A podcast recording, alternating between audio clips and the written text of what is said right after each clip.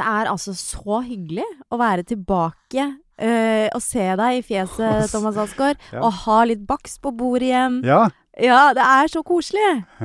Velkommen tilbake fra Helgelandskysten, takk for det. og velkommen til dere. Dette er Alsgaard Olafsen.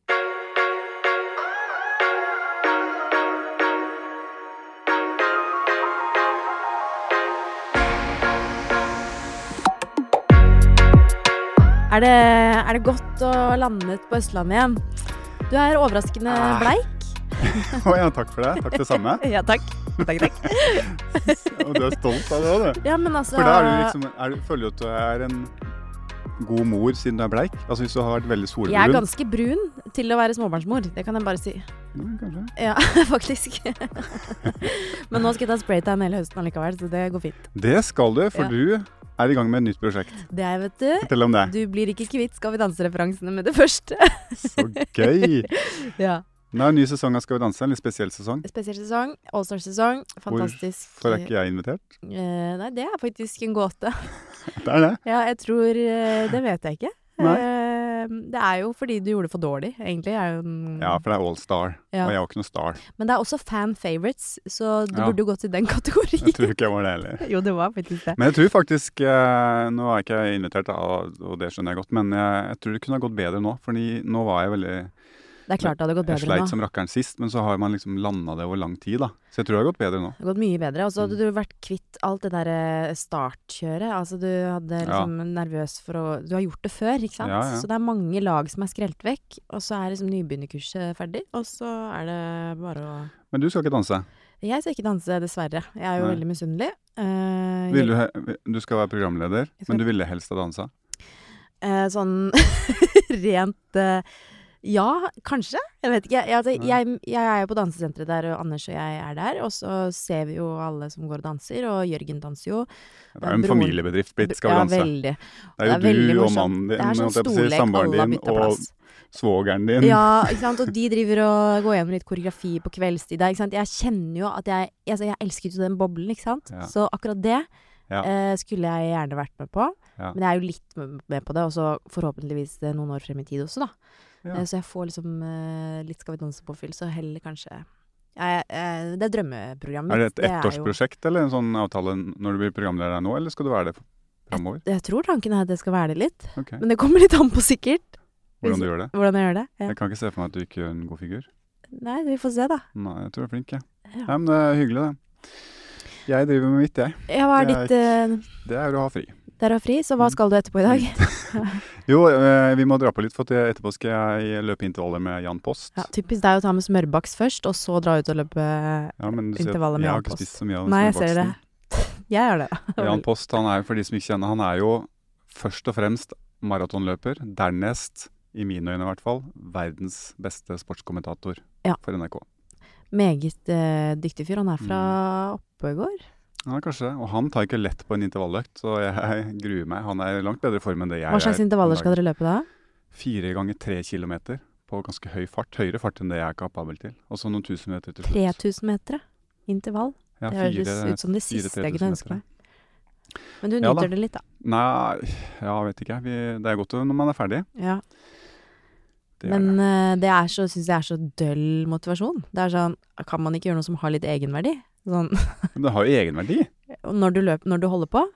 Jeg syns jo det er gøy når det flyter, men er bare at formen er litt for dårlig, og han er sterkere, og da er det jo mer et slit. Da er det jo hat. Ja. Men det å løpe på bane, særlig når, når man er i supergod form, eller hva som helst, da, det er jo utrolig deilig. Når det flyter oppover. Oppover på banen. Motbakkerløp, f.eks. Ja, mm. Det er så deilig. Du har full kontroll på alt. ja, du skal jo få meg dit snart. Du må snart Vi skal få eh, deg dit. Du må så, snart som trener ta litt initiativ for eleven din. Nei, men Jeg syns det var godt å komme til byen og se deg når du snakker, for det, det var hyggelig i båten. Jeg trivdes jo der, men å sitte aleine sånn øh, var spesielt, da. Ja. Ja, jeg er helt enig, og jeg syns det er så gøy at vi skal få gjest i dag òg. Ja. Vi får besøk av Isabel Ringnes, som, mm. er, som jeg kjenner ganske godt. ja, hun er jo din gode venninne. Ja, god venninne av hun er eh, en av mine en sånn venn jeg har fått i, som voksen. Mm. Og det er litt gøy. Eh, bor eh, ikke så langt fra hverandre. Møtes ikke så veldig ofte, for hun har så veldig mye på tapetet. Men eh, møttes her om dagen, og da eh, snakket vi litt om at eh, eh, at hun, hun er jo gravid, og var litt sånn nervøs for å si det. Fordi at eh, eh, nå fikk hun liksom nok en merkelapp, og prøver å få folk til å skrive om de tingene hun engasjerer seg i, som er Ja. veldig mye bra. Eh, men de kommer bare til å skrive om at hun er gravid, og det er helt riktig. Og så tenkte jeg sånn, da kan vi bidra til å snakke om de tingene som hun eh, brenner for. Ja. Fordi det er eh, ting jeg ikke kan så mye om. Det er teknologi. Eh, det er eh, likestilling. Hun har jo starta sin eh, egen sånn Ja, eh, hva kalles det? Li, ikke sant? Slutt med Plattform, det er vel en type TripAdvisor for bedrifter, egentlig? Ja. Hvor du kan anonymt legge inn en, eh, eh, en eh, på en måte din oppfatning av hvordan din arbeidsplass er. Ja. Og så kan, hvis du søker jobb et sted, så kan du gå inn og se hva slags score den bedriften har på Ja. arbeidsmiljø. Så det er jo veldig nyttig ting, da. Veldig. Og det har hun starta selskap med det. Og så har hun skrevet en bok. Hun Mm. spanderer. Hun har gjort så veldig, veldig mye ting. Mm. Og er jo vært liksom i den derre startup-verdenen. Og hun er jo veldig sånn kvinne i et mannsdominert miljø. Hun er veldig flink til å snakke for seg. Eh, så alltid når jeg henger med henne, så føler jeg at jeg ikke får eh, nok. så da veldig god unnskyldning for å invitere henne hit. Ja, så bra. Jeg vet jo veldig lite om henne, så jeg syns det blir spennende. Jeg får enda et godt innblikk i en uh, ny person. Ja, det er jo det som er fantastisk med å ha en egen podkast. At, at det er en nydelig unnskyldning for å snakke med interessante mennesker om eh, ting de brenner for. Blir det at du stiller henne de samme spørsmålene som du gjør når dere to møtes hjemme på Nei, det blir jo ikke det. eller? Fordi Nei da, nei da, det blir jo ikke det. Uh, nå skal vi snakke om ting som vi egentlig ikke har snakket om før. Men jeg, for at jeg kan jo ingenting om uh, tech. Nei, ikke jeg heller. Nei. Jeg kan ingenting om noen ting, egentlig. Så det er masse å lære. Uh, så da sier jeg bare da kjører vi, da. La oss få henne inn med en gang. Ja.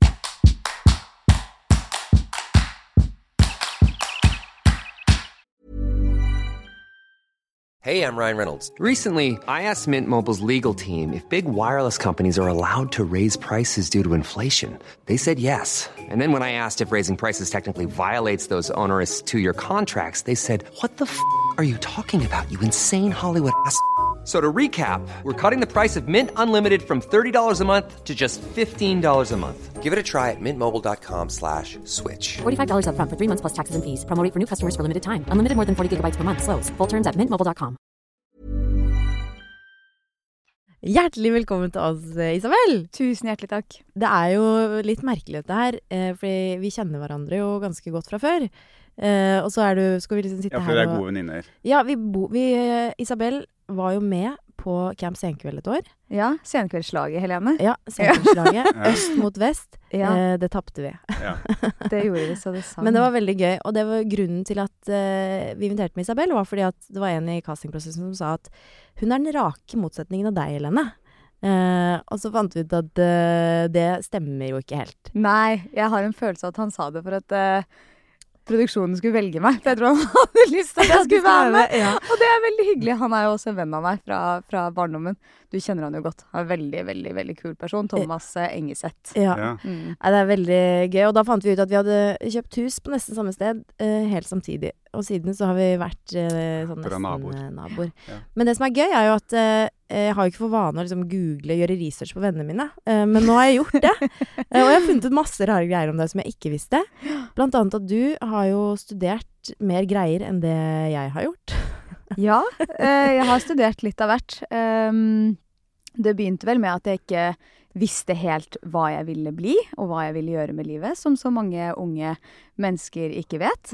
Eh, og da var vel min eh, konklusjon at det er bedre å begynne på en masse ulike ting som jeg har interesse for, og se om det er noe der. Ja. Eh, og så heller på en måte gi seg mens leken er god, hvis, eh, hvis det ikke på en måte er det som blir det store draget, da. Men snakker vi om da offisielle studier, eller at du sånn egen studie, at du bare har vært interessert og satt, kjøpt bøker og begynt å lese opp? på En noe? kombinasjon. Ja. En kombinasjon. Eh, jeg har jo eh, en bachelor i økonomi fra BI. Den uh, er jo definitivt ikke selvstudie. Det var det alle sa du burde studere. Sant? Det var det alle sa jeg burde studere, fordi da kan du jobbe med alt. Ja. Men uh, de burde vel kanskje legge ved at du bør ha noe interesse for økonomi. fordi hvis ikke så kommer det til å bli beintøft. Men det introduserte meg til en hel masse miljøer, sånn som Jentekoret, hvor jeg lærte liksom gleden av å, av å lede et team, og det med underholdning, eh, og ikke minst Skoleavisen, hvor jeg lærte liksom eh, veldig mye om mediebransjen. Eh, fra et eh, litt sånn eh, uskyldig perspektiv, eh, som var veldig gøy, eh, og som vekket interesse for mediet senere. Men Og så har jeg jo studert ernæring. Det studerte jeg jo ferdig et år på internett. Og- Skuespill? Det visste Ja. ikke jeg. En sommer i New York så studerte jeg skuespill. Men det gir veldig mening for meg. Fordi Isabel holder jo også masse foredrag. Ja, ja. Eh, og det er jo Jeg får det jo bare servert gjennom dine sosiale medier eh, som regel. Men det er veldig gøy, for plutselig så bryter Isabel ut i en drikkevise fra scenen. Jo, men det må være, det må være fantastisk eh, studio studie å ha det som foredragsholder. Ja, det kan du si. Altså det man lærer, det i hvert fall jeg lærte fra å studere skuespill, var jo det å by på seg sjæl på scenen og ikke være så innmari redd for å drite seg ut. Ja. Eh, for det er jo der frykten ligger, egentlig. I Ja. å stå på scenen. Dette er jo en av de mest kjente fryktene mennesket har, jeg tror etter å dø, er å stå og snakke til masse folk på en scene. Ja. Uh, og det lærte jeg jo ved å på en måte bli uh, eksponert for det gjennom disse skuespillerstudiene. Men da i tillegg også bli slaktet ned Mm. etter hver gang jeg på en måte sto på audition, og de bare This is terrible, get off. Så jeg var sånn Mm. OK. da For du prøvde deg som skuespiller i New York, eller? Ah, Nei, altså absolutt ikke sånn at jeg gikk all in, men eh, gjennom disse studiene så måtte du ut på auditions hele tiden. Ja, for å liksom Men var det bare for å lære noe nytt, eller var det, for, det var ikke for å bli skuespiller? Altså, det var liksom Jeg var nysgjerrig på det, Ja. og så tenkte jeg vi får se. Og jeg skjønte ganske raskt at det er ikke det jeg skal bli. Nei, kult. Nei. Men eh, at du har studert så mange forskjellige ting, er det, handler det om at du er veldig nysgjerrig på veldig mye, eller handler det om at du også blir fort lei? At du føler at du må videre? Du vil ha Eh, noe nytt? Nei, jeg tror det handler om at jeg blir nysgjerrig på veldig mange ting. Ja. Fordi det er mange av de studiene som jeg har fullført. Egentlig alt har jeg fullført på en eller annen måte. Ehm, så det er ikke sånn øh, og, og det er sikkert mange av de tingene jeg kanskje burde sluttet med før, på en måte. Men, men øh, jeg, øh, jeg er veldig nysgjerrig og har alltid blitt drevet av å lære. Jeg husker når jeg bodde i New York, så reiste jeg ofte på ferie alene, for jeg hadde lyst på en litt annen type ferie enn mine venner. Så jeg dro liksom på kurs ulike steder Ja. uh, alene for å bare lære. Fordi jeg har liksom alltid tenkt at sånn, det, det kuleste du kan uh, ja, få i livet, da, er jo Ja. kunnskap. Det Ja. kan ingen ta fra deg. Uh, og det, det, livet ditt blir jo mer spennende å leve jo mer du kan. Ja, men jeg skjønner jo at du ikke fikk med så mange venner på kurs. Nei, mange som syns det var gøy. Men, eh, men Det er mye annet du kan gjøre i New York som Ja. også er kult. Ja, det er eh, veldig sant. Um, men eh, Nei, men det fins mye glede i god læring. Det, vi har jo hatt eh, pappaen din på besøk også, så det er jo liksom andre Ja. blad Ringnes. Eh, og det sa han jo at hvis det var noe du er, kanskje, er, det, er det irriterende at vi må snakke om faren din eh, når vi snakker om deg først? Uh, nei, det går egentlig fint. Jeg er jo uh, vant til mer at eh, eh, jeg synes jo, Nå har dere, vi snakket litt grann om meg først. så Normalt Ja. sett så går det jo bare rett på han. Um, uh, og det er jo Det er jo på en måte bare litt sånn det er blitt. Men uh, i sånne type settinger, kanskje ikke så ofte, men Mm. gjerne i media, så merker jeg at jeg fremdeles blir titulert som datter Mm. av, før alle de andre som på en måte jeg som person har gjort. Ja. Uh, og det er jo litt frustrerende. Men eh, senest da når jeg kom ut med denne gravidnyheten for noen dager tilbake, Hei. så så var jo det på en måte tittelen eh, 'Datter av'. Og da skrev jeg melding til samtlige journalister og sa liksom eh, Kjempehyggelig at dere skriver om det, alt det der. Eh, vil også på en måte gjøre oppmerksom på denne tendensen som journalister har til å la en kvinne definere seg av relasjonen til en mann. Eh, jeg er nå 33. Eh, det at jeg skal få barn, har ikke voldsomt mye med min far å gjøre. Eh, og de andre referansene som dere har til han, har heller ikke det. Mm. Og samtlige sa liksom bare la seg helt flate og bare sorry, det tenkte vi ikke over i det hele tatt. Eh, Mm. Du har selvfølgelig helt rett, og vi endrer det med en gang. Men har, har det hjulpet? Ja, det hjelper alltid, men eh, jeg må liksom gå den runden åtte år etter at jeg på en måte begynte å stå frem litt i media. Mm. Men det er jo spennende, for det er jo akkurat samme opplevelse man har som altså, idrettsforeldre, altså barn av idrettsutøvere. For jeg har en datter som er 14 år nå og går litt på ski. Og vi har jo ikke vært på skirenn ennå uten at en eller annen, Mm. minst en eller annen må komme bort og fortelle hvor fantastisk god hun kommer til å bli som har meg som far. ja. Og det legger jo et umenneskelig press. Mm. Det fratar jo på en måte henne all, alle egne kredibilitet og alt. Altså Det må jo føles Jeg blir forbanna, og det må jo føles forferdelig urettferdig. Mm. Hun er veldig glad i deg og veldig stolt av deg, det kan jeg bare si så, på vegne av døtre. Okay. Så det er ikke det det, det, det, det går på. Eh, men ja, det er jo selvfølgelig irriterende. Det er jo en liten sånn eh, På en måte så får hun jo masse for det, ikke sant? Mm. Eh, på samme måte som jeg gjør. At man man har jo en veldig kunnskapsrik eller flink far, og man får lært mye av det, og det er mange Mm. fordeler derfra. Men så er det den forbannelsen, at du Ja. blir ikke sett for, for hvem du er, og du, det blir tatt en masse antakelser om, om hvem du er, og hvordan du skal bli, og hvordan du bør bli, og så Ja. møtes du med en del fordommer på bakgrunn av det. Ja, så, for det er, jo, det er jo ingen tvil om at de har jo litt rett også. Hun har jo noen fordeler som ingen andre har, bl.a. å få tak i det beste utstyret hele tiden, i og med å ha, ha meg som far og navn, men også at hun har en sånn en trygghet, en kom, veldig kompetanse i bakhånd, da, som Mm. gir henne ro og frihet til å, hvis hun har lyst til å bli skiløper og teste ut sine egne ideer rundt trening og forberedelse Mm. og konkurranse, da, så kan hun gjøre det vel vitende om at det er noen som passer på og, og kommer inn hvis ting skjærer seg helt. da. Ja. Og det er litt sånn du har Du er en dyktig gründer, men du har også sånn Du har en far der som aldri ville latt det gå til helsike med deg, liksom. At det er en sånn jeg tror nok han tenker at det ville jeg lært en del av. ja, men på et eller annet tidspunkt så vil han gå inn og si nå er det stopp, hva har vi lært her? Han vil ikke la deg gå til grunne. Det ville han aldri gjort. Nei, men altså det, nå, jeg vil jo, ja, nå vet jeg ikke hvor sammenlignbart gründerskap er med en skikarriere, da, men, men eh, i mitt selskap så har jo ikke han støttet det økonomisk på noen måte. Jeg har heller Nei. aldri bedt han om å gjøre det. Eh, vi har jo gått ut og hentet investorer på egen hånd, som ikke har noen familierelasjon eh, til meg, så ehm, eh, jeg tror nok at eh, hvis jeg liksom virkelig ba han sånn vil, Kan du komme inn og støtte, så hadde han nok eh, Ja, jeg vet faktisk ikke. Kanskje han hadde, han hadde vel sagt ja, da må du forklare meg hvorfor, da. Ja. det er noe å tro på. Hvis det går så dårlig nå etter så lang tid, Da måtte hvorfor skal jeg investere? Ja, ja. Men, eh, men eh, jeg, altså vi, vi er jo heldige og bor i Norge, eh, så vi Ja, det er finnes jo et sikkerhetsnett sånn sett også, alle, ja. eh, så man er blir ikke helt kastet på, på gaten. Eh, men eh, ja, helt sikkert. Altså, han ville Mm. støttet eh, opp og, og, og hjulpet meg eh, økonomisk hvis det, hvis det var det som skulle til.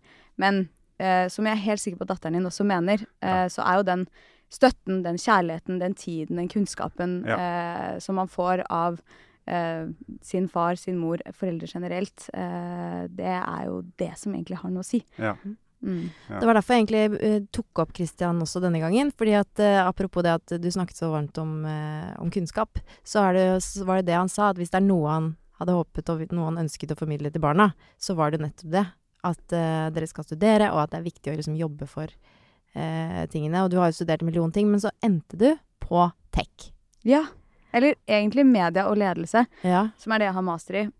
Men uh, Men det var ikke der du forelska deg. nei, fordi i det faget så ligger det veldig mye teknologi og digitalisering og det å forstå på en måte effekten av alle de enorme teknologiske mulighetene som vi har på liksom, den verden vi lever i, som jeg syns er interessant. Det er ikke liksom algoritmene og nodene som gjør at jeg bare har dødslyst til å stå opp om morgenen. Det er den muligheten som teknologi gir individet til å kunne gjøre en stor forskjell. Mm. Eh, og det ser vi jo på alle mulige måter, og da forhåpentligvis i positiv forstand. Eh, for vi ser jo også dessverre at teknologi blir brukt i eh, Eller på måter som har negative konsekvenser for eh, samfunn og for individer, eh, og i stadig eh, større grad. Um, men, uh, men det var liksom det som, uh, som tente meg med teknologi, Mm. og derfor jeg også senere søkte på et scholarship på Singularity University, hvor jeg da liksom ble uh, Som du litt vant. sånn vekket. Ja. ja. Ja, og, og fordi dette er jo um, eh, veldig gøy. For når jeg gjorde research på deg, så Vi har aldri snakket om dette, men jeg fant ut at ditt favorittema er eksponentiell teknolo teknologi. Ja. Eh, og jeg bare føler sånn eh, Jeg eh, har googlet litt nå, så nå vet jeg litt hva det er. Men kan ikke du fortelle, sånn at vi liksom For det, denne, litt av poenget med podkasten er at vi skal lære ting vi ikke kan noe om. Og verken du eller jeg Jeg er jo prinsipiell motstander av studier, så jeg har ikke, ikke noe Du må i hvert fall forklare for meg. Ja. Jeg skjønner Ja. ingenting. Ja, nei, altså eksponentiell teknologi er egentlig måten vi har definert eh, veldig mange av de ulike eh, teknologiene over de siste 60-70 årene. Eh, og greia er at de eh, utvikler seg eh, etter Moores law, som betyr at antall transistorer på integrerte circuits dobler seg annethvert år, eller hver 18. måned. Så i prinsipp så betyr det Så i prinsipp så betyr det at eh, em, teknologien vi bruker, blir dobbelt så kraftfull, den blir eh, halvert i pris, den har dobbelt så mye lagringskapasitet Mm. eh, hvert annet år. Mm. Kan du det gi et gjør at ting går mye raskere. Eh, ja, eh, for eksempel så er jo en moderne brødrister i dag har jo mer datakraft enn all datakraften som var tilgjengelig for de første som sendte mannen til månen. Mm. Eh, så det er, jo, det er jo helt ville ting som har skjedd. ikke sant? Supercomputere som kostet mange millioner dollar for eh, 30 år siden. Mm. Eh, du får jo dobbelt så mye, eh, om ikke mye, mye mer, datakraft i en helt vanlig iPhone i dag, som koster en brøkdel av prisen. Mm. Eh, og denne utviklingen ser vi, og det gjør at eh, teknologi blir mye, mye mer tilgjengelig. Det blir mye mer demokratisert, det blir demonetisert, eh, det blir dematerialisert. Så for eksempel, da, før i tiden så måtte du betale eh, kanskje 100 000 kroner eh, og ha egentlig et helt rom som det her for å bare fylle alle de Mm. elementene som du i dag har her inne. Mm. Sånn som en GPS, et kamera, Kalkulator. Eh, kalkulator. Bare, altså, alt du kan tenke deg av Ja. apper som vi har, har jo vært noe fysisk og har kostet masse og har tatt masse materiale. Så det, gjør, det skaper jo en sånn omveltning i verden. Og dette med forskjell på liksom eksponentiell og lineær, eh, det kan jeg forklare ved at hvis du ser for deg at det skal gå liksom frem eh, 30 lineære steg, eh, så eh, går du egentlig på slutten av det rommet her, eh, cirka. Mm. Eh, men hvis jeg hadde bedt deg gå 30 eksponentielle steg, så hadde du gått hele veien eh, Jeg tror det er en milliard meter, eller hele veien til månen. Eh, så eh, det er utrolig stor forskjell på det å tenke lineært og det å tenke eksponelt, eksponentielt. Og vi mennesker er skrudd sammen til å tenke lineært, fordi sånn er våre liv. Mm. Vi tenker at i morgen kommer til å bli ganske likt i dag. Hjernen vår er liksom skrudd sammen til å forvente basert på våre erfaringer. Mm. Mens det er derfor eksponentiell teknologi er litt sånn vanskelig for oss å begripe. Fordi i dag er på en måte uh, halvparten så bra som det som kommer om ett og et halvt år. Mm. Uh, og det, det gjør at vi ikke helt fatter og begriper de fantastisk spennende mulighetene som kommer. Mm. Det vi bare vet, er at ting kommer til å se veldig ulikt ut da, om Mm. ti år. Og det syns jeg jo at flere skal engasjere seg i. Jeg er ser jo- det lyser. Jeg meler enn deg, så jeg, var, jeg fikk jo min første mobil Eller fikk, når de første mobilene kom, fikk jeg jo det da jeg var 19 år. Jeg fikk den første bærbare datamaskinen som kom. Det var en sånn koffert du pakka ut, kosta 6000, ikke sant? Hva sa du? 96? Ja, 96 000. Ja. En 386-prosessor. Så du skrev inn litt tekst, trykka enter, og så, og så var det vente. Eh, og det kunne ta liksom et minutt, da. Ja. Og så kom det nytt spill. Du kunne skrive litt til. Og, så. Ja. Og det går altså så fort. Men er det, er det ikke Ser du noen fare for at det går Det akselererer jo bare hele tiden, sant? Mm. At det etter hvert går så fort at man mister kontrollen på det, eller? Ja, det er mange som eh, nok eh, spekulerer i en litt sånn dystopisk fremtid på bakgrunn av at det går for fort, og deler av det er jo godt begrunnet i at eh, myndighetene ikke klarer helt å henge med. Eh, og forståelig er det, fordi det er veldig mye å begripe og veldig mye å sette seg inn i. Eh, og så er det jo alltid mange aktører som ikke nødvendigvis har de beste hensikter når de benytter seg av den teknologien her. Eh, det er jo bare å se til enkelte styringsmakter, og hvordan de bruker denne teknologien som, som er skremmende. Men sånn Vi som mennesker har jo alltid vært redd for det som kommer. Eh, og så stort sett så går det jo greit. Eh, vi klarer jo på en måte å, å håndtere eh, den usikkerheten som ligger i teknologi, og forhåpentligvis så klarer vi å bruke det til det bedre. Men nettopp derfor er jo liksom enda viktigere, jeg, enda viktigere enn å snakke om te eksponentiell teknologi, som jeg elsker å snakke om, så er det jo det å snakke om hvor viktig det er at et mangfold av mennesker involverer seg i prosessen, sånn at vi bruker og utvikler og skaper løsninger i denne teknologien som faktisk svarer på alles behov, og som tar høyde for liksom hele Eller alle de globale utfordringene som vi har, og ikke eh, blir utviklet av en veldig liten homogen gjeng, som i dag er tilfellet.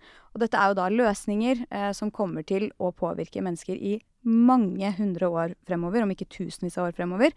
Eh, og vi må sørge for å ikke forsterke de allerede eksisterende forskjellene. fordi nå er vi på en måte på en tid i historien hvor vi kan gjøre helt enorme forskjeller eh, og påvirke oss i en veldig positiv eller en veldig negativ retning. Og det er det liksom viktig at folk forstår. Hvem er denne lille homogene gjengen?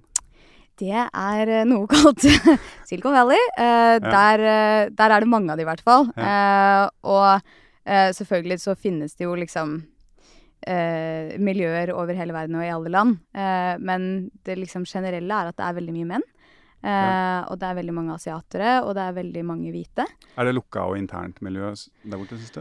Eh, det er vel en litt sånn broy kultur, som, eh, som de liker å beskrive det som. Eh, det er jo ofte unge menn, som man ser i alle de største selskapene i verden, om det er Facebook, om det er Twitter, om det er U Uber, om det er Google, så er det unge menn som har kommet liksom rett ut av college.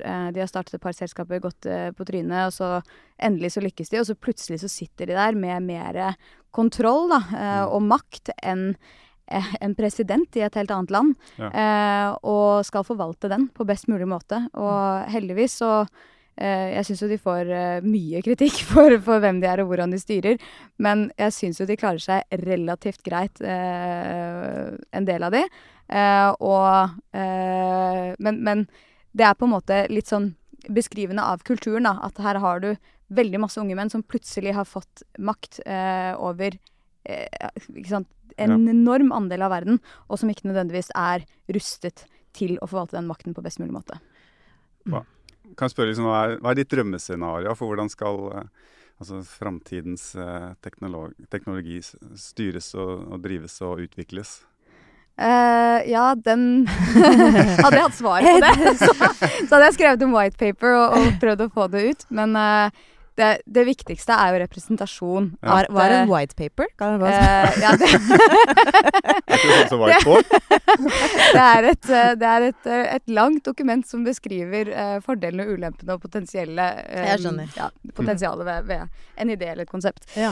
Um, men uh, nei, altså det er jo representasjon, da. At, at vi ikke bare har representasjon på bakgrunn av liksom individets unike identitet rundt omkring i verden, men også ulike yrker og interesser eh, og fagområder. Sånn at vi har, vi har matematikere med, vi har teknologer med, som er liksom åpenbart, men også at vi har filosofer, at vi har lærere, eh, at vi har politi. Altså at vi har liksom Mm. veldig mange ulike perspektiver eh, med når vi utvikler disse eh, løsningene. For eksempel så er det jo et ganske spennende prosjekt, jeg tror det er en skole i Canada, som eh, ser på eh, eller som, som lærer opp hvordan selvkjørende biler skal tenke rent etisk eh, rundt ulike situasjoner. Ja. For det er jo veldig mange situasjoner som vi vil befinne oss i i fremtiden, eh, hvor en selvkjørende bil vil måtte ta et valg som har eh, potensielt dødelige konsekvenser eh, Mm. for eh, de som er involvert.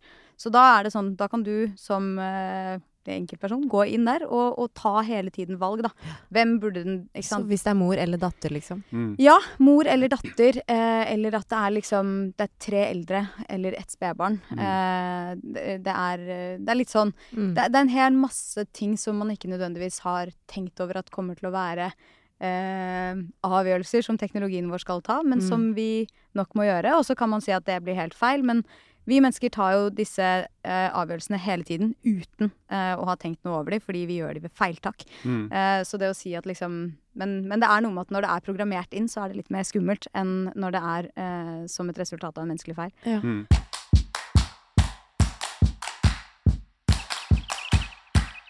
Men altså du da, som eh, Du fikk jo dette scholarshipet. eh, Gikk på denne campen med verdens smarteste folk omtrent. Na NASA, eller? Ja, jeg vil nok ikke klassifisere Ja, de er veldig uh, Ikke verdens smarteste folk, men de er veldig uh, Alle er veldig ulike. Noen var helt sinnssykt smarte, andre var helt utrolig uh, Altså booksmarte, Ja. hva er egentlig Mm. smart? Ja. Eh, men ja, veldig mange spennende mennesker med eh, spesielle bakgrunner.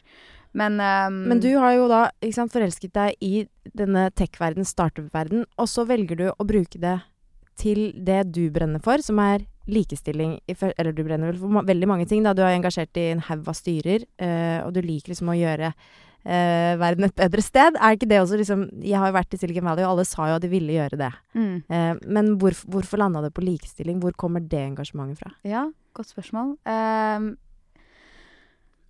jeg har mange ganger sagt at jeg skulle ønske at jeg hadde et sånn Hollywood moment i mitt liv, hvor det var bare sånn Oh my God, no, enough! Ikke sant? Gender equality forever. Men, men det er ikke egentlig det. Det er, eh, det er resultatet av liksom et, eh, et liv som ung jente, hvor jeg kanskje var mer observant enn veldig mange andre uh, unge jenter og gutter på hvordan uh, unge jenter og gutter ble behandlet og oppfordret og utfordret til ulike ting. Eh, og omtalt ulikt. Eh, og eh, jeg merket det vel tidlig når eh, jeg var syv år og gikk i skolegården eh, i bar overkropp. Og så var det liksom bare 'Nå må du dekke deg til'.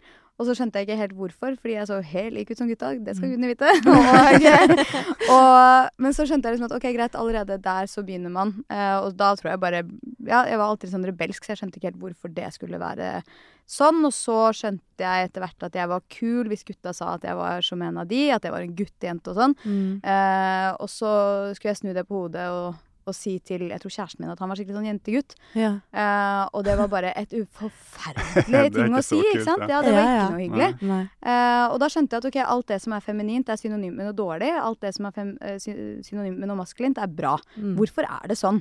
Mm. Uh, hva er dette samfunnet som jeg egentlig vokser opp i? Mm. Og disse observasjonene har vedvart gjennom barndommen, de har vart gjennom studiene og også arbeidslivet. Hvor man ser at disse små kulturelle forskjellene, som er veldig sånn dypt inngrodd i, i eh, den verden vi lever i, Mm. de impregnerer seg eh, videre oppover og blir til sånn systematiske forskjeller i f.eks. da arbeidslivet. Mm. Eh, som eh, etter hvert som man eh, vokser og erfarer, at det er fortsatt veldig til stede. Eh, selv om man som student ikke nødvendigvis reflekterer over det. Og det ser jeg jo også fra å ha jobbet med den problemstillingen en stund, at unge jenter kommer til meg på studiene og sier at det er ikke noe problem, og så fem år senere så kommer de og sier at herregud, eh, jeg skjønner ikke alle guttene som jeg startet med er nå et helt annet sted enn det jeg er, eh, mye lenger oppe. Eh, hvordan har det egentlig skjedd? Og så ser man på det, og så ser du at det er små systematiske ting som har liksom gjort at det, eh, det har blitt skjevt eh, oppover i toppene. Det er jo spennende. Jeg har jo to jenter, da, så jeg har fulgt med dere gjennom barnehager og skole. og det er sånn, Jeg har aldri tenkt noe kjønn i forhold til hvordan jeg behandla dem, verken i trening eller skole eller på noe tur eller hva som helst. Men Bra. så opp, de er jenter allikevel. da. Mm. Og hun yng- yngste jenta, hun Vi har ikke i min familie Mote og klær er uinteressant for både meg og kona. Jeg er elendig, jeg skjønner ikke bæret av det. Og kona er heller ikke interessert i klær. Ingenting. Men likevel så, har, så tok hun allerede fra hun var bitte liten, fire-fem år Mm. så det er ikke, det er ikke jeg kan telle på én hånd de dagene hun ikke gikk i skjørt, skjørt eller kjole.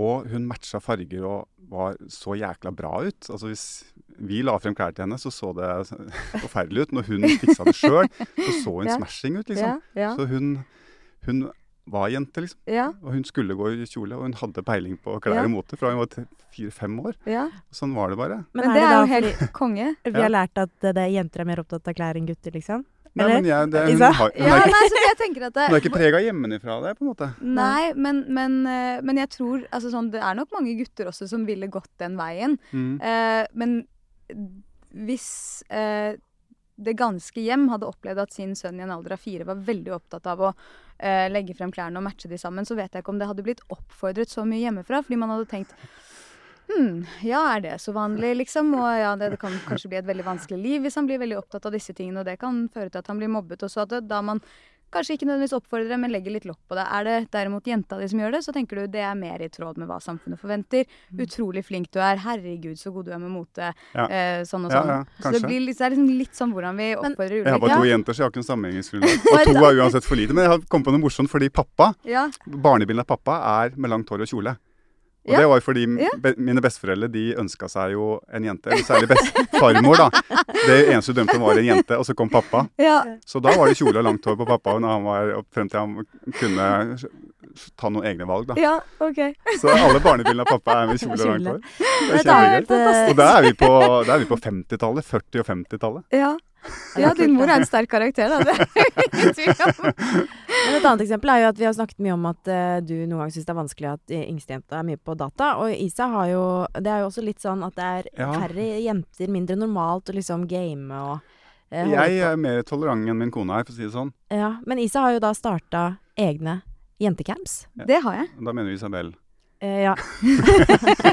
Liten linjeglipp Nå er det jo en venninne her at uh, nå er det bare Rødvig som mangler. Ja, Eh, nei, ja. altså jeg starta jo Når jeg kom hjem fra New York i 2014, eh, eller 15 det, Så starta jeg i hvert fall eh, Tenk, et teknologinettverk for kvinner, sammen med min tidligere sjef i VG, Camilla Bjørn.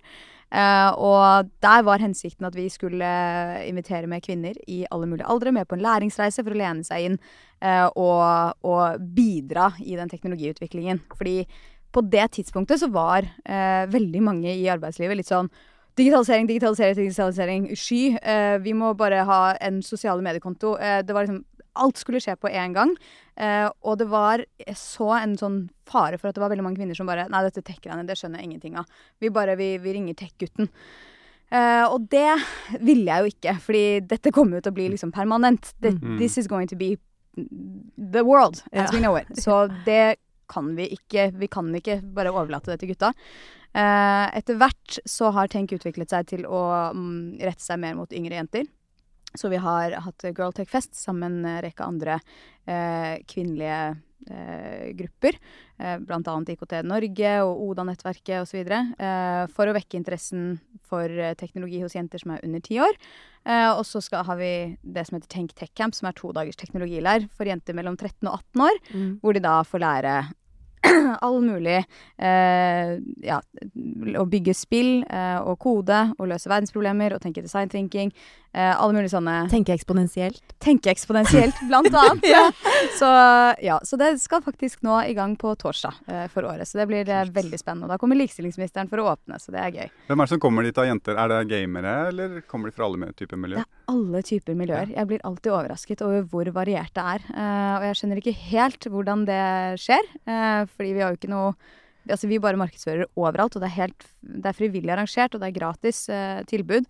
Men det er alle mulige typer unge jenter. Noen som er liksom eh, Ja. Eh, ja, mye mer sånn stereotypisk gamere. Eh, Ja. Og noen som er eh, Ja, litt sånn som jeg så ut som jeg var liten. En eh, litt sånn eh, blond eh, jente som var veldig opptatt av mote. Mm. Ja. Men eh, er det liksom, Du engasjerer deg for så mye. Er det, er det sånn som den campen som liksom driver Hva er det som motiverer deg? Til å liksom, for det er jo veldig mye av du, du hadde jo ikke trengt å gjøre så mye forskjellige ting. Uh, nei Um, Hva er det som motiverer meg? Altså Det som motiverer meg, er å gjøre en positiv forskjell. Uh, jeg vil Altså, det er jo Jeg har jo de sakene som jeg tror på, og så vet jeg at jeg har kapasitet, uh, lyst og energi til å få til ting. I hvert fall prøve. Og da tenker jeg at det må jeg jo bare gjøre. Og så er jeg jo bevisst på at jeg er blitt født med veldig gode kort, og de har jeg lyst til å spille så godt jeg kan for at eh, eh, flere enn en meg også skal eh, kunne få nyte godt av det. Eh, og eh, altså, når man sier sånn ja, men du hadde ikke trengt det, det er ikke helt sant. Jeg tror et menneske blir veldig depressivt av å ikke gjøre eh, noe, ikke føle at man er av verdi eller nødvendig for, for noen andre utover seg selv. Ehm, og så har det heller aldri vært et alternativ hjemme. Altså, det har aldri blitt sagt sånn at eh, nei, men dere kan, dere kan velge å gjøre det, eller dere kan bare like, velge å ikke leve late dager. Uh, på ingen måte. Nei, men Å lede i gang er roten til alt ondt. Det er Ja. jo sant. Ja, Mm. det er jo det. Um, men så, så, så jeg, har jeg vært veldig heldig og fått, eh, fått eh, masse energi, og jeg er veldig takknemlig for det. Og det gjør at jeg syns det er gøy å sette i gang eh, initiativer og prosjekter og jobbe med flinke folk. Og det er jo stort sett de menneskene som man jobber med, som gir en energi til å gønne på videre, da. Men drives du, er noe av drivkraften altså den samvittighet, at du føler litt press for at du skal gjøre det, fordi du er født Det er i hvert fall alle vil anse som en privilegert verden. For det kan jo på en måte, Noen velger å bare skru helt av og si at jeg trenger ikke å gjøre noe resten av livet, så bare øs og pøs og sant. Eller Ja. at så føler kanskje noen ekstra press for at de måtte, må levere, må forsvare seg sjøl. Jeg tror jeg føler det presset litt sånn overfor meg selv. At det er sånn Jeg vil levere, men jeg, jeg, jeg føler jo ikke at jeg skal levere på de måtene som, som jeg føler at samfunnet liksom forteller meg at jeg skal levere på. At jeg skal liksom inn i min fars fotspor, og at jeg skal liksom bygge det ene og det andre videre. og alt Det der. Det er, liksom, det er, ikke, Mm. det, jeg, det, er, ikke det type press jeg føler på. Uh, selv om jeg tror det er mange som liksom hadde syntes det var behagelig om jeg gikk inn i det, inn i det sporet der. For det er en lettere historie å fortelle. Ja. Eh, men jeg jeg føler et press selv på å Fordi jeg vet at jeg kan, eh, hvis jeg vil. Og, når jeg, og jeg vet at så mange, også, så mange andre også kan. Jeg vet jo at stort sett så kan jo vi mennesker. Hvis vi gidder å legge ned tiden Ja. og innsatsen som det tar. Mm. Eh, og da føler jeg sånn Hvis man kan, så må man jo bare gjøre det. Ja, ja. Eh, hvis man først har energi og overskudd til det. Og det er jo et problem for meg som nabo som bare vil stikke innom deg. Eh, eh, Du vil bare snakke om noe, du. Eh, ja, men jeg vil jo være Jeg liker å være litt sånn impulsiv. Ja. Bare Hei, Lisa, er du Når jeg er ute og triller, ikke sant, Ja. så sender jeg melding til Isa. Eh, sier Er du hjemme nå? Aldri hjemme. Fordi du gjør jo så sjukt mye ting. du, virker, du har en enorm kapasitet. Men har du Det har du òg, Helene. Seriøst!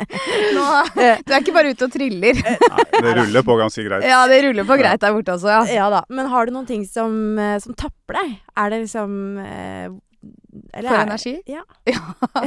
Masse negative mennesker tapper Ja. meg for Mm. energi. Ja. Så det forsøker jeg å ikke være rundt. Eh, det er egentlig det, altså. Ja, Eh, det det det. skal ikke mer til enn å være rundt folk som bare ser problemer, eh, og som ikke gir god energi, eller som snakker negativt om andre mennesker. Mm. Eh, det det syns jeg er eh, så lite inspirerende. Eh, og det gjør at eh, jeg selv blir tung i kroppen, så da må jeg liksom ut og gjøre andre ting for å bare få tilbake, eller finne tilbake liksom givet, da. Mm. Møter du mye negativitet i forhold til eh, det, ditt navn? Altså, du er født med en sølvskje i munnen. Hva vet du om livet? Hva kan du om ting? Ja, litt. Eh, men mer bak min rygg enn enn til ansiktet mitt. Ja. Jeg ser det i Du føler ikke kommentarfelt. at du blir ja, men du, du sitter og styrer, og du føler ikke at du blir trykka litt unna? Nei, ikke der. Snarere tvert imot. Eh, stort sett så har jeg opplevd eh, at folk er veldig åpne og positive og inkluderende overfor meg, eh, som, eh, som jeg er veldig glad for. Eh, så, og det kommer jo stort sett fra folk som da har hatt lyst til å jobbe med meg, eh, og som eh, kanskje vet om de tingene som jeg har gjort tidligere, forhåpentligvis. Eh, og så syns jeg det sier veldig mye om mennesker også, da, hvem de er i forhold til hvordan de møter en annen, en annen person. Ja. Ehm, så det negative som jeg som regel hører, det er jo uh, på internett. Ja, uh, folk som ikke kjenner meg. Så Ja. du leser kommentarfelt? Uh, av og til eh, så hender det, men egentlig så har jeg sånn streng regel om at det skal jeg ikke gjøre. Ja, selvfølgelig. fordi, fordi det er helt krise. Men så øver jeg meg litt på det, sånn smått og smått, fordi eh, jeg sier liksom at jeg ikke bryr meg om hva andre syns, Mm. og det jeg vil på en måte Jeg vil eh, practice what I preach. Jeg vil faktisk Du vil kunne lese det. Mm. Ja, og faktisk ikke bry meg. Mm. Så jeg øver meg litt på å, å lese, og liksom OK, ta det inn, og så tenke hm, det er ikke så farlig. Men du, det der har jeg hørt så mange ganger av så mange mennesker at jeg bryr meg ingenting om kommentarer. Det er sånn, det gjør, det gjør Men det er dumt at man På et eller annet nivå så Ja. gjør man det. Ja, men det er litt sånn Mm. Du blir sjelden kritisert av folk som gjør mer enn deg, eh, og det syns jeg er et, et bra er eh, sitat. Fordi Ja. eh, de som er opptatt av å fortelle deg hvor dust du er på nett, liksom, det Man lurer ofte på sånn Og hvem er du? Så, ja. Hva driver du med? Eh, så jeg, ja. du? Kjører du full background check da, liksom? Er det Nei, Google? Nei, aldri. det. Nei, det er liksom eh, det, det Men svarer du ofte gå. sånne usaklige kommentarer? Nei, jeg, har, jeg gjorde det når jeg jobba Eller når jeg har jobba i ulike organisasjoner før, så har jeg Mm. jo vært sånn som har eh, svart på kommentarer. Ikke på vegne av meg selv, da, men på vegne av brandet. Og jeg Mm. ser at det er som å grave seg ned i en rabbit hole. Ja. Ofte så har disse menneskene veldig god tid. Ja. Eh, og, da, da, ja, og da blir det lange rants Og mer, og mer mer å svare på. ja, til å kjøre debatten. eksakt. Så du bare Du forsvinner liksom ned i et sånt svart hull. Jeg Så bare det- sletter det. Ja. Jeg vet man skal ikke gjøre det, liksom. Men på Jo da. min sosiale medier, hvis det kommer sånne meldinger som jeg syns er upassende, jeg bare sletter det. Mm. Det skiter jeg altså. Mm. Kjør på. Ja. Det er ditt, eh, det er, det er ditt ja, det er det. Det er det jeg mener. Det er mitt rom. Ja.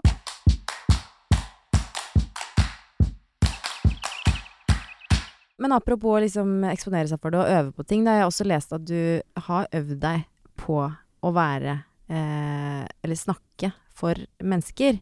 Eh, og for meg, som har møtt deg for ikke så mange år siden, så er jo liksom det veldig slående ved ditt vesen er jo at du føles så veldig, veldig trygg i ditt eget skinn. Har du alltid vært sånn, eller du, er det også noe du har øvd på? Um, det er veldig vanskelig å si om jeg liksom har uh, Jeg tror nok jeg er blitt tryggere og tryggere, og så har det gått sikkert i bølgedaler gjennom livet, men uh, jeg tror jo at mennesker blir trygt av å ha en trygg oppvekst og ha foreldre som støtter og som er til stede, og som på en måte ser deg for den du er, eh, og tror på deg for, for den du er, eh, og ikke liksom stadig minner deg på at du helst burde vært en annen eller gjort noe annet. Eh, så det, det tror jeg som skaper den der grunnleggende tryggheten, eh, er kjærlighet og støtte fra de som er nære deg. Eh, og så er det den andre tryggheten som blir oppbygget ved mestring. eh, at du utsetter deg selv for ting som du ikke nødvendigvis eh, kan. At du lærer masse. eh, At du eh, utfordrer deg på ting som er skummelt. Uh, F.eks. det å stå på en scene, som jeg syntes var kjempeskummelt når jeg begynte med det. Eh, og så gjør du liksom én og én skummel ting, og så ser du at det, det går bra. Og så blir du Mm. litt tryggere på å gjøre litt mer skumle ting, og så blir på en måte alt det som du syns var skummelt en gang i tiden, helt normalt. Mm. Og da liksom tør du å strekke deg lenger og lenger, og da blir du tryggere og tryggere på de tingene du gjør. Og så plutselig så Um, står du og holder foredrag for, på TED Talks for liksom Hvor mange var det som var på det var ikke TED Talks, men eh, det var eh, i um, eh, Lisboa, på Ja. Web Summit. Eh, det var det en sal som rommet 40 000 eh, mennesker, så det var jo Det er så sykt! Eh, det var riktignok ikke helt full, men det var, eh, det var en, eh, en eh, kraftig opplevelse. Og jeg syns jo jeg er blitt sånn at jeg syns det er gøyere og gøyere med jo flere mennesker som er i en sal, fordi det er, det er en helt vill følelse. da. Ja. du, eh, du kjenner at det er bare det minste ordet det er det så mange som får med seg. Men samtidig så er jo du på TV mye, Helene, og der er det jo enda flere som får med seg hva du, hva du sier og gjør hvis du sier Hvis du glipper litt, da. Ja, jeg vet Um, det. Men du, ja, det er litt annerledes allikevel. Jeg bare syns det er fascinerende, for det eh, Altså sånn det, Jeg lurer på om, vi liksom, om du kan gi noen tips til de som hører på, fordi eh, du også som har egentlig har så mange forventninger til deg, da, og til ditt navn, hvem du skal være. Eh, det krever liksom noe sånn Har jeg det? Altså sånn Jeg vil, jeg vil bare tro det. Jeg bare føler er at alle sier det, og så er jeg sånn Hvem er det som har alle disse forventningene? Nei, Jo, men jeg tror man kommer ikke unna det. Uh, det gjør man ikke. Men så du kan jo velge altså, hvordan du oppfatter det, er jo det som er viktig for deg, da. Men du, men du, jeg, jeg føler du er veldig flink på å eie ting. Da, Ja. Du går inn i et rom fullt av menn, du har på deg rosa skjørt og Ikke sant. Det Ja, det er er litt for provoserende. Ja, det, det skjønner jeg. Men allikevel så er det sånn eh, Jeg tror mange har mye å lære av deg eh, på det, da. Å liksom være Finne seg selv.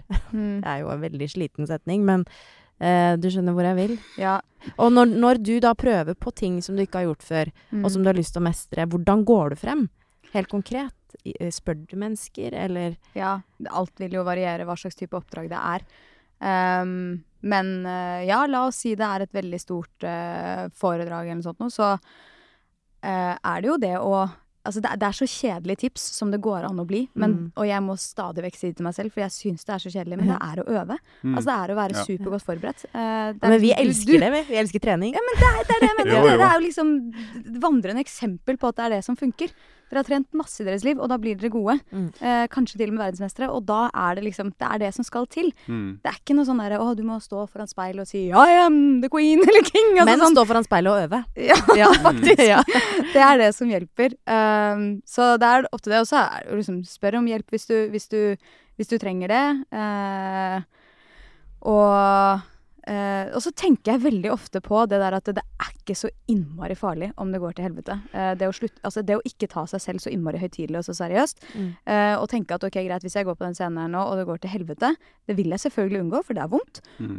Og det er kjipt overfor publikum, for de får Mm. ikke en så god opplevelse som de fortjener. Men hvis det skulle skje, så er det ingen som dør. Mm. Jeg har kasta bort en halvtime av livet deres, liksom. Mm. Jeg syns det er flaut. Det er såret med egoet mitt.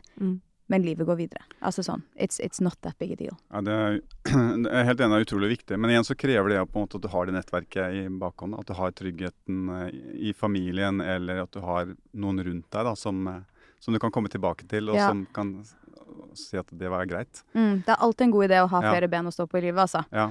Eh, det vil Men allikevel så må man ned. tørre å gjøre det. Altså sånn eh, Det er veldig mange som har familie som er glad i deg, liksom. Eh, så det er det å tørre å gjøre det. Ja. Og det er det jo veldig eh, mange færre jenter som tør enn en gutter. Hvorfor er det sånn?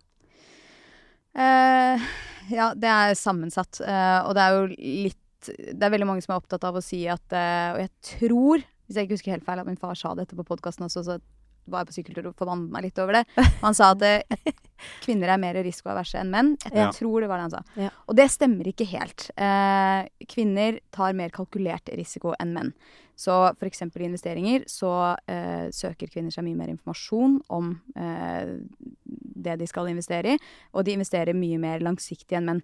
Så Mm. resultatet er kanskje det samme eh, i forhold til hvilke stocks de velger, Mm. men kvinner har gjort mer eh, background work. Eh, og lykkes ofte da bedre med sine investeringer enn da menn gjør, som Mm. har uh, high risk og high return i mye større grad. Um, men jeg tror jo også det er liksom litt hvordan vi groomer jenter og gutter fra, fra barndommen. Uh, vi oppfordrer og utfordrer gutter til å ta sjanser, til å være barske, til å være modige.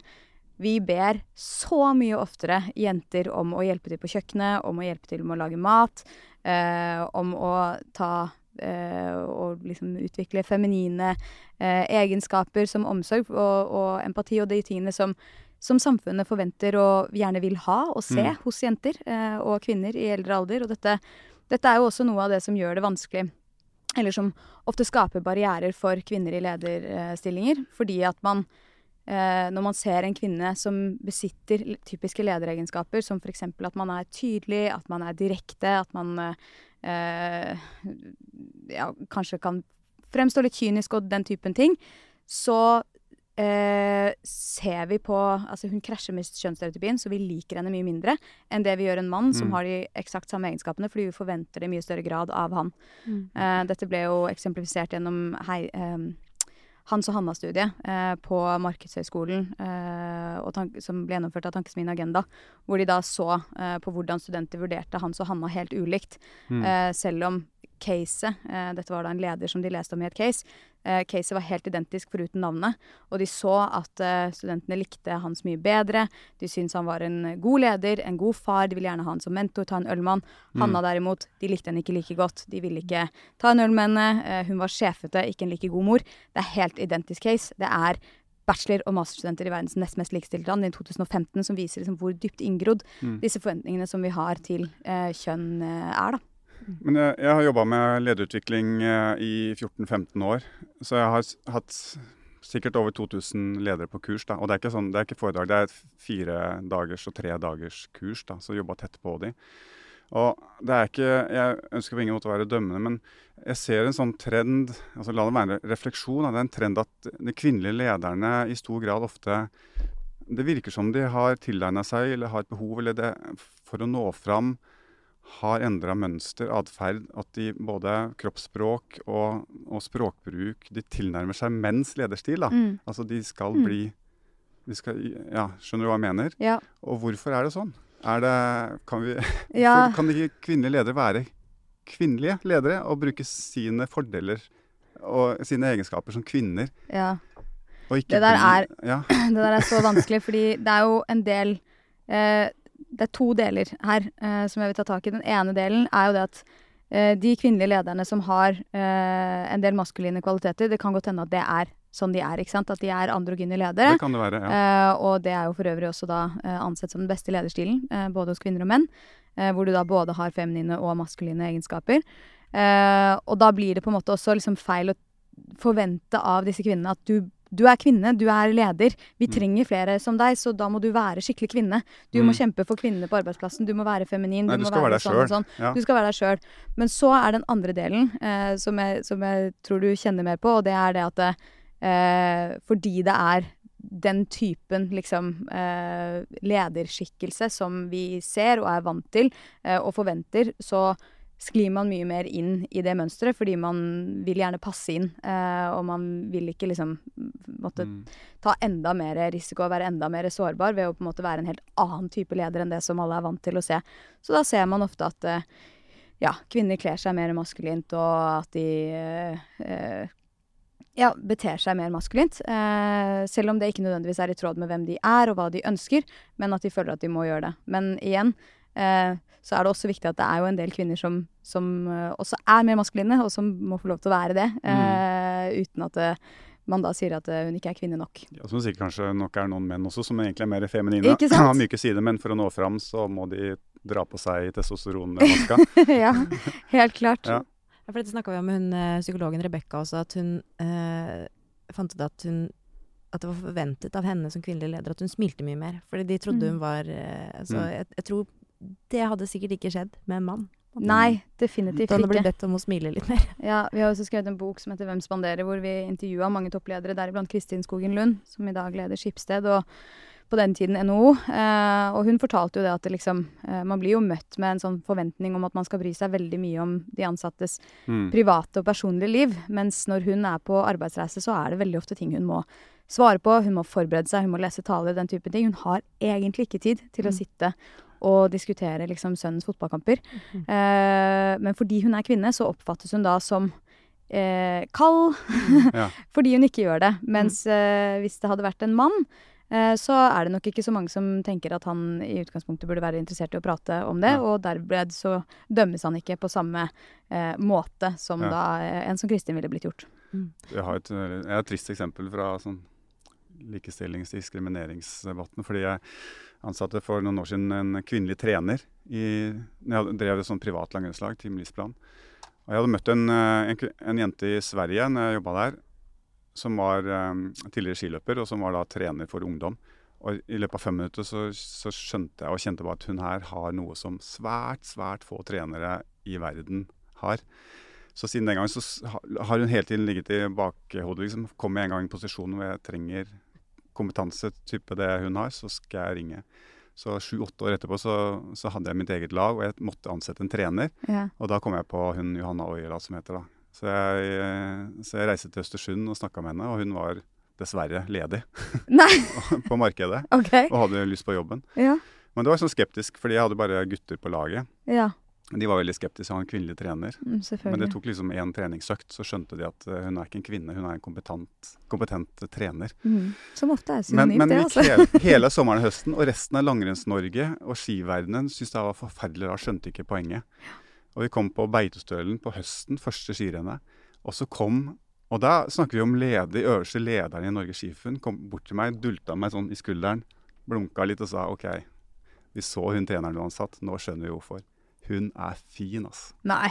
Jæklig bra valg. Godt valg. Å, fy søren. Og så var det, Hun var tre år.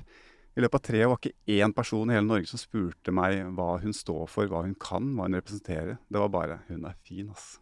Stakkars. Altså, Ja, sånn er det. ja. Og det, da snakker vi om de øverste lederne Mm. i Norges Skiforbund, i Langrenns-Norge. Mm.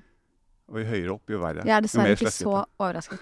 Eh, jeg er dessverre ikke så overrasket. Nei, nei. Men eh, det er bra du på en måte ikke slo deg i kast med, med, de kommentarene, og at du ikke Nei, minst Jeg, jeg, synes, sier jeg blir det forbanna på det. Ja. Fordi løperne, gutta som hun trente, hadde jo kjemperespekt. Ja. For de forsto kompetansen, eller hun, de fikk jo utbytte av Mm. det hun kunne. Mm, Så de hadde veldig respekt. mm. Og det syns jeg var godt å se. Men eh, resten Nei, det er, det er så trist. Mm. Og sånn er liksom gjerne ikke kulturen hvis det er mer balansert på toppen. ikke sant? Det er jo ikke Nei. sannsynlig at mange av de øverste lederne, hvis de var kvinner, hadde gått rundt og, og kommentert hvor fin hun var. Ehm, så, så dette med kjønnsbalanse, det har en eh, ikke bare positiv effekt på liksom, eh, dette med bunnlinje og resultater og sånt noe, men også veldig mye på miljøet, da. Mm. Eh, og det gjør det jo lettere for, eh, for kvinner som henne å, Mm. å komme seg opp på en, på en måte som oppleves som gøy, da, og ikke Mm. liksom at man står og må i kamp, liksom. Mm. Men jeg har jo som sagt jobba mye med led- lederutvikling, og noe av det vi punkterer veldig tydelig her, er jo at styrken i team er jo forskjellighetene. Mm. Men så vil jo vi mennesker vi vil jo egentlig ha bare mer av oss sjøl. Det, det, Mm. det er det som er enklest. ikke sant? Mm. Og i og med at det er mye menn som sitter i lederposisjoner, så vil de ha flere Mm. av seg sjøl. da. Og da er det flere menn med høyt testosteron og tøft eh, språk og alt det der. da. Så det er jo Det er litt vei å gå. Det er en liten vei å gå. Eh, og jeg holder mye foredrag og kurs om akkurat dette her. Vi, vi speiler oss i andre, og vi har lyst til å ansette de som ligner oss selv, for da vet vi akkurat hva vi får, Mm. ikke sant? Og det er det vi liker. Vi liker oss selv! Ja, ja, ja. sånn, ja. Eh, så det å være bevisst på at eh, egentlig så bør man ansette noen som Altså verdigrunnlag og den typen ting må, Mm. burde jo være likt, for det gjør det enklere å jobbe sammen, men, men som har helt eh, ulike Eller som har helt ulik bakgrunn og helt ulik perspektiv og utdannelse og erfaring enn deg selv. Det er jo de som gjør deg egentlig enda bedre, for de komplementerer deg. Mm. Eh, dette vet jo du alt om, så jeg trenger ikke å, å forklare deg det. Men, men eh, du har helt rett i at eh, Mm. det er en av hovedårsakene til at vi ser eh, fremdeles en så dårlig kjønnsbalanse eh, og så lite mangfold på toppen. Eh, nettopp fordi vi ansetter de som ser ut som oss selv. Er det likedan i, da, i kvinnedominerende miljøer? Det, kan, er, kan det være litt det samme der òg, eller? At de Eh. også fortsetter å velge inn kvinner? Eller er de flinkere til å tenke altså, annerledes? Eh, Det har jeg faktisk ikke veldig Altså, la oss Altså, dette med uh, ubevisste fordommer har jo på en måte alle mennesker, både kvinner og menn. Ja. Uh, jeg tror ehm, Altså Man ser jo fra studier at kvinner er flinkere til å ansette eh, begge deler. eh, og at vi f.eks. i aviser og den typen ting leser om begge kjønn. Vi leser bøker fra begge eh, forfattere av begge kjønn. eh, Mm. mens menn leser menn. Eh, de, jeg tror Harald Eia skrev en kronikk om dette for en stund Ja. tilbake. Om at liksom skryt fra menn var mye bedre enn skryt fra kvinner. Eh, mens kvinner på en måte anser Mm. skryt fra begge deler eh, som like bra. Ehm, så kvinner er nok uh, ikke like tilbøyelige til å tenke sånn som det, som det menn er. Ja. Nei. Uh, og så er det jo ofte sånn at i veldig kvinnedominerte yrker, uh, så er det fordi at Det er ikke nødvendigvis fordi at de ikke vil ansette menn. Det er fordi det ikke er nok menn som ønsker å jobbe i de yrkene. Mm. Så det er mindre å ta av, da. Mm.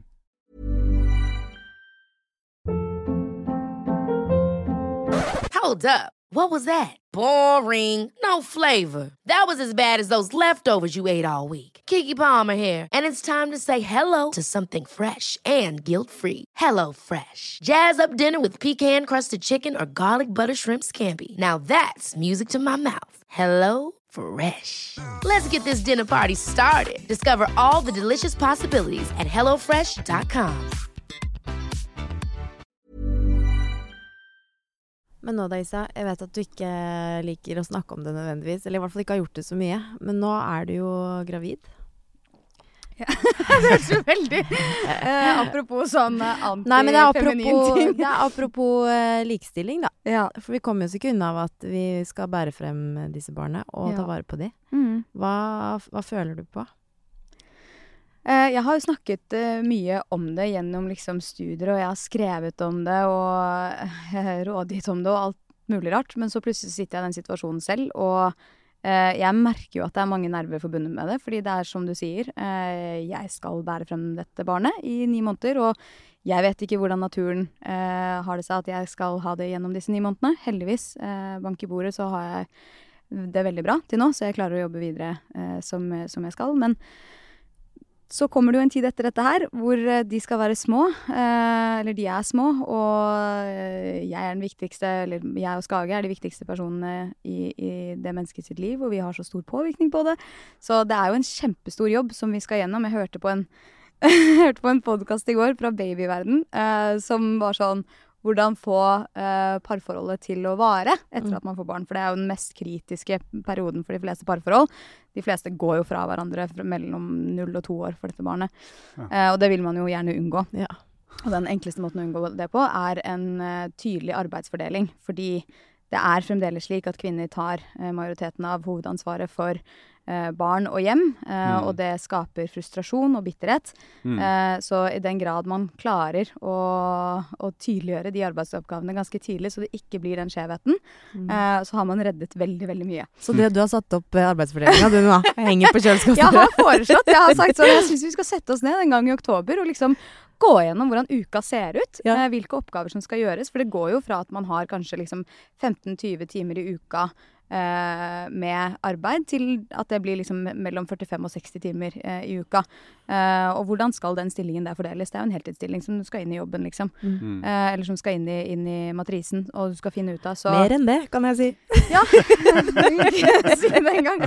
Men, eh, ja, nei, ikke sant, man blir stressa mindre. Men, men, og det er jo det man også ser med eller tendensen blant toppledere i Norge, er jo at eh, menn, 70 av toppled eh, mannlige toppledere, har jo bakkemannskap hjemme. Kun 15% av kvinnelige toppledere har det samme. Og dette med bakkemannskap er da et, en partner som tar hovedansvaret for barn og hjem. Ja. Mm. Eh, så, og så ser man jo også at de forholdene hvor man deler likt, og hvor det er likestilt hjemme, det er de som er mest lykkelige og har liksom størst sannsynlighet for å vare. Mm. Så det er jo noe vi alle bør streve etter. Men ikke sant, kulturelt betinget igjen, og kjønnsstereotypier og alt det der, så gjør det jo veldig ofte at eh, kvinner sitter med størsteparten av, eh, av den eh, arbeidsmengden og byrden som, som det er. Jo, men ja, ja, alle streber etter. Men samtidig så skal man ikke legge skjul på at det, det er jo mange kvinner som syns det er den mest fantastiske perioden i livet òg, da. Å ha det ansvaret og trives med det, og de må også få lov til det, da. Ja, Og jeg kan som, jeg er mann, da, men jeg kan også si at jeg har kjent masse grad av misunnelse for den nærheten og den knytningen mor og barn har i den perioden, da, som jeg aldri som mann ville være altså, jeg, har ikke kjangs til å få det. Ja, det vet sant. man jo ikke helt, da. Men sånn, altså sånn Ja, det er en periode, bare vent og se. Det er en- periode her det første året der hvor at det er, du som, som Ja. mann har lite å tilføre. ja, Det er mor og barn. Og det er en sånn dragning, og og det er så livsviktig. Og det skal man også på en måte være takknemlig for, tror jeg òg, da. ja. Ikke bare si at her skal det være 50-50. Ferdig med det. Definitivt. Men det er jo barn som vokser opp uten en mor òg. Ja. Uh, og de klarer seg jo uh, fint, og de får jo et Ja. veldig godt forhold med sin far. Uten at uh, eh, Nå vet jeg ikke liksom Eller Jeg har ikke sett langtidsstudier. Fedre. eller fedre, Mm. ikke sant. Mm. Eh, som er minst like bra. Så ja, ja. jeg tror jo ofte at vi liksom har en sånn Altså, for all del, eh, jeg skal ikke sitte her og uttale meg som en ekspert om noe, men jeg, men jeg vil gjerne utfordre på en måte ja. den tanken eh, om at det må være eh, sånn og sånn, og dette er liksom fra naturens side, Mm. og det Altså, Helt klart. Jeg tror det aller beste for barnet er å ha eh, to foreldre. Eh, om det er eh, to menn, to kvinner eller mann og kvinne. Eh, så tror jeg liksom at så lenge det er eh, mye kjærlighet og m- mye støtte eh, og mye tilstedeværelse, så Mm. kommer det barnet til å ha det veldig bra. Ja, At det må være muligheter for at du skal få lov å gjøre det du har lyst til. Mm. At det må legges noe til, Forhold må legges til rette der, da. Ja. Men jeg er også kjent på, jeg må, skal ærlig innrømme det, fordi jeg har også vært med å starte og drive veldig mange selskaper i veldig mange forskjellige bransjer. Og det å være et helt nystarta selskap, du har brukt sparepengene på å forfølge en idé, liksom, og så må, må du ansette en person til. Du har Ja. råd til én person til. Mm. Eh, og da en kvinne, 30 år, godt etablert parforhold, Mm. barnløs, Mm. er jo sånn Skal man Ja, man det er vanskelig. Det kan vippe Ja. hele greia av skaftet, liksom, og så er du Mm. ferdig, da. Ja, for det er jo Så det er disse ikke lett, tingene altså. Men grunnen til at man tenker sånn, er jo fordi at man tenker å ja, hun skal ut i permisjon. Men det skal Kan jo være. også menn. Ja. eh, og den kan være helt likedelt. Ja, ja. Eh, men så sitter man jo ikke og tenker det igjen, ikke sant. Eh, og det Hvis er det jo er dine siste sparekroner, og du har den sjansen i livet, det er nå eller aldri, går til Ja. dundas, så Ja. er det slutt, liksom. Men så det, er det det har jo sikkert du kjent på. Jeg har i hvert fall gjort det. Og det er sånn, det, selvfølgelig, det er ikke noe tvil om at jeg har lyst til å være mamma og Mm. elske barnet mitt Ja. og være til stede for det hele tiden. Men det er også noe med at når man jobber i litt sånne typer rare yrker som vi driver med, så eh, begynner man å tenke sånn uh, OK, uh, nå kan jeg miste jobb. Eller sånn, liksom. Man vil jo fortsatt være den delen av seg Mm. selv også. Man vil Mm. jo være aktuell. Man vil være Eh, man vil jo være en som folk har lyst til å jobbe med. Eh, Mm. Og så er det plutselig det gått fire år da, uten at du har gjort noen, noen ting. Mm. Da er det plutselig Da henger du plutselig langt etter. Det føles i hvert fall sånn. Da. ja, ja. Så det er jo eh, Det er jo ikke helt lett, fordi man kommer jo ikke unna at ting forandres. Hvem skal ha ansvaret for å gjøre ting lettere i en sånn situasjon, tenker du? Er det stat, eller Det er er et det arbeidsgivere? Eller Det er et delt ansvar. Ja. Det er eh, i hvert fall etter min mening så er det både at staten eh, tilrettelegger sånn som de gjør nå, med Ja. liksom tredelt foreldrepermisjon. Eh, og det er sikkert politisk upopulært å mene, men sånn Eller i hvert fall upopulært å mene blant noen miljøer, men jeg mener i hvert fall det. Eh, og, eh, og ikke minst at arbeidsgiver også da sørger for at liksom eh, det er like forventninger knyttet til at menn tar ansvar for eh, sykefravær eh, når det er barn som er syke. Eh, og at menn tar ansvar for å hente i barnehagen og må gå tidligere fra barnehagen. Altså alle de tingene som vi Mm. eh, tradisjonelt sett hadde forventet at kvinner skulle hatt ansvar for, at de da har og stiller de samme forventningene til eh, gutta i bedriften.